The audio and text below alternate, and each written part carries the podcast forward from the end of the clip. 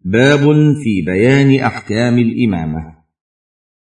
هذه الوظيفة الدينية المهمة التي تولاها رسول الله صلى الله عليه وسلم بنفسه وتولاها خلفاؤه الراشدون. وقد جاء في فضل الإمامة أحاديث كثيرة منها قوله صلى الله عليه وسلم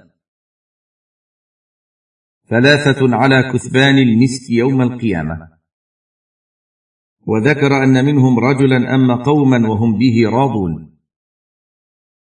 وفي الحديث الآخر أن له من الأجر مثل أجر من صلى خلفه. حاشية. رواه أحمد في الجزء الثاني الصفحة السادسة والعشرين والطبراني برقم أربعة وثمانين وخمسمائة وثلاثة آلاف وعشرة آلاف. وأبو نعيم في الحلية في الجزء الثالث في الصفحة الثامنة عشرة بعد الثلاثمائة. انتهى. ولهذا كان بعض الصحابة صلى الله عليه وسلم يقول للنبي صلى الله عليه وسلم اجعلني إمام قومي. لما يعلمون في ذلك من الفضيلة والأجر حاشية. رواه أبو داود برقم واحد وثلاثين وخمسمائة. والنسائي في الكبرى برقم ستة وثلاثين وستمائة بعد الألف. وأحمد في الجزء الرابع الصفحة الحادية والعشرين. وابن خزيمة برقم ثلاثة وعشرين وأربعمائة. والحاكم في الجزء الأول الصفحة الرابعة عشرة بعد الثلاثمائة والسابعة عشرة بعد الثلاثمائة. وقال صحيح على شرط مسلم وصححه النجم كما في كشف الخفاء. انتهى. الصفحة الثالثة بعد المئة. لكن مع الأسف الشديد نرى في وقتنا هذا كثيرا من طلبة العلم يرغبون عن الإمامة. ويزهدون فيها ويتخلون عن القيام بها إيثارا للكسل. وقلة رغبة في الخير وما هذا إلا تخذيل من الشيطان. لازلنا في الصفحة الثالثة بعد المئة. فالذي ينبغي لهم القيام بها بجد ونشاط واحتساب للأجر عند الله. فإن طلبة العلم أولى الناس بالقيام بها وبغيرها من الأعمال الصالحة. وكلما توافرت مؤهلات الإمامة في شخص كان أولى بالقيام بها ممن هو دونه بل يتعين عليه القيام بها إذا لم يوجد غيره. فالأولى بالإمامة الأجود قراءة لكتاب الله تعالى. وهو الذي يجيد قراءة القرآن بأن يعرف مخارج الحروف ولا يلحن فيها. ويطبق قواعد القراءة من غير تكلف ولا تنطع. ويكون مع ذلك يعرف فقه صلاته وما يلزم فيها كشروطها وأركانها وواجباتها ومبطلاتها. لقوله صلى الله عليه وسلم يؤم القوم أقرأهم لكتاب الله. حاشية رواه مسلم برقم ثلاثة وسبعين وستمائة. انتهى. وما ورد بمعناه من الأحاديث الصحيحة مما يدل على أن يقدم في الإمامة الأجود قراءة للقرآن الكريم الذي يعلم فقه الصلاة لأن الأقرأ في زمن النبي صلى الله عليه وسلم يكون أفقه. فإذا استووا في القراءة قدم الأفقه أي الأكثر فقها لجمعه بين ميزتين القراءة والفقه. قوله صلى الله عليه وسلم فإن كانوا في القراءة سواء فأعلمهم بالسنة. أي أفقههم في دين الله ولأن احتياج المصلي إلى الفقه أكثر من احتياجه إلى القراءة.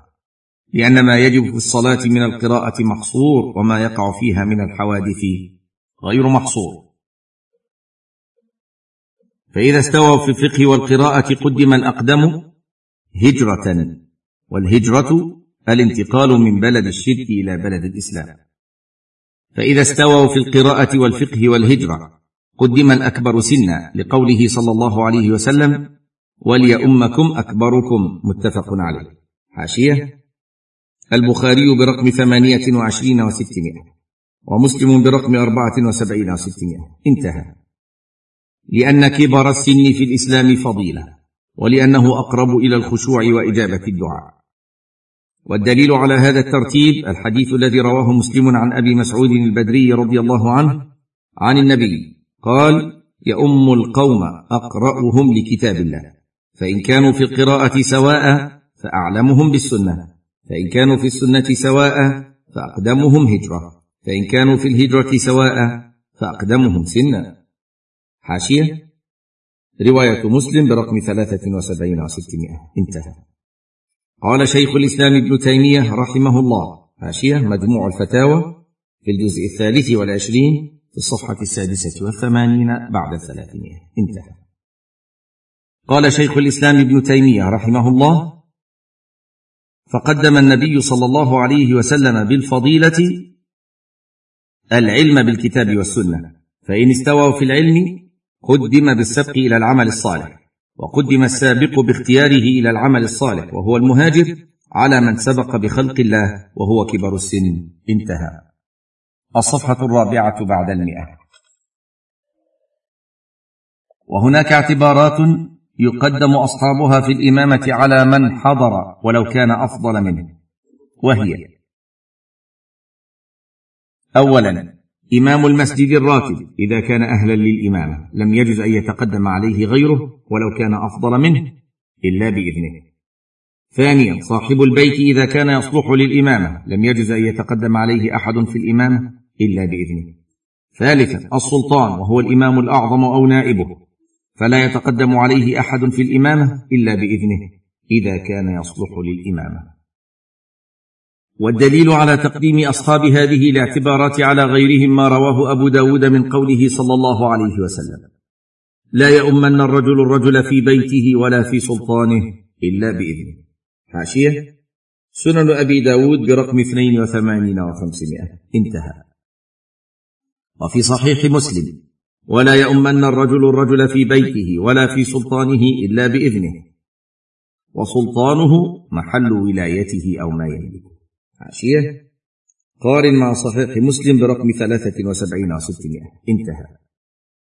قال الخطابي معناه أن صاحب المنزل أولى بالإمامة في بيته إذا كان من القراءة أو العلم بمحل يمكنه أن يقيم الصلاة. حاشية انظر معالم السنن في الجزء الثاني الصفحة الرابعة بعد المئتين من العون. انتهى. وإذا كان إمام المسجد قد ولاه السلطان أو نائبه أو اتفق على تقديمه أهل المسجد فهو أحق. لأنها ولاية خاصة ولأن التقدم عليه يسيء الظن به وينفر عنه. مما تقدم يتبين لك شرف الإمامة في الصلاة وفضلها ومكانتها في الإسلام لأن الإمام في الصلاة قدوة والإمامة مرتبة شريفة فهي سبق إلى الخير وعون على الطاعة وملازمة الجماعة. وبها تعمر المساجد بالطاعة. وهي داخلة في عموم قوله تعالى فيما حكاه من دعاء عباد الرحمن والذين يقولون ربنا هب لنا من أزواجنا وذرياتنا قرة أعين واجعلنا للمتقين إماما. فالإمامة في الصلاة من الإمامة في الدين ولا سيما إذا كان الإمام يبذل النصح والوعظ والتذكير لمن يحضره في المسجد.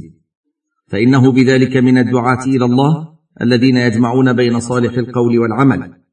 ومن أحسن قولا ممن دعا إلى الله وعمل صالحا وقال إنني من المسلمين.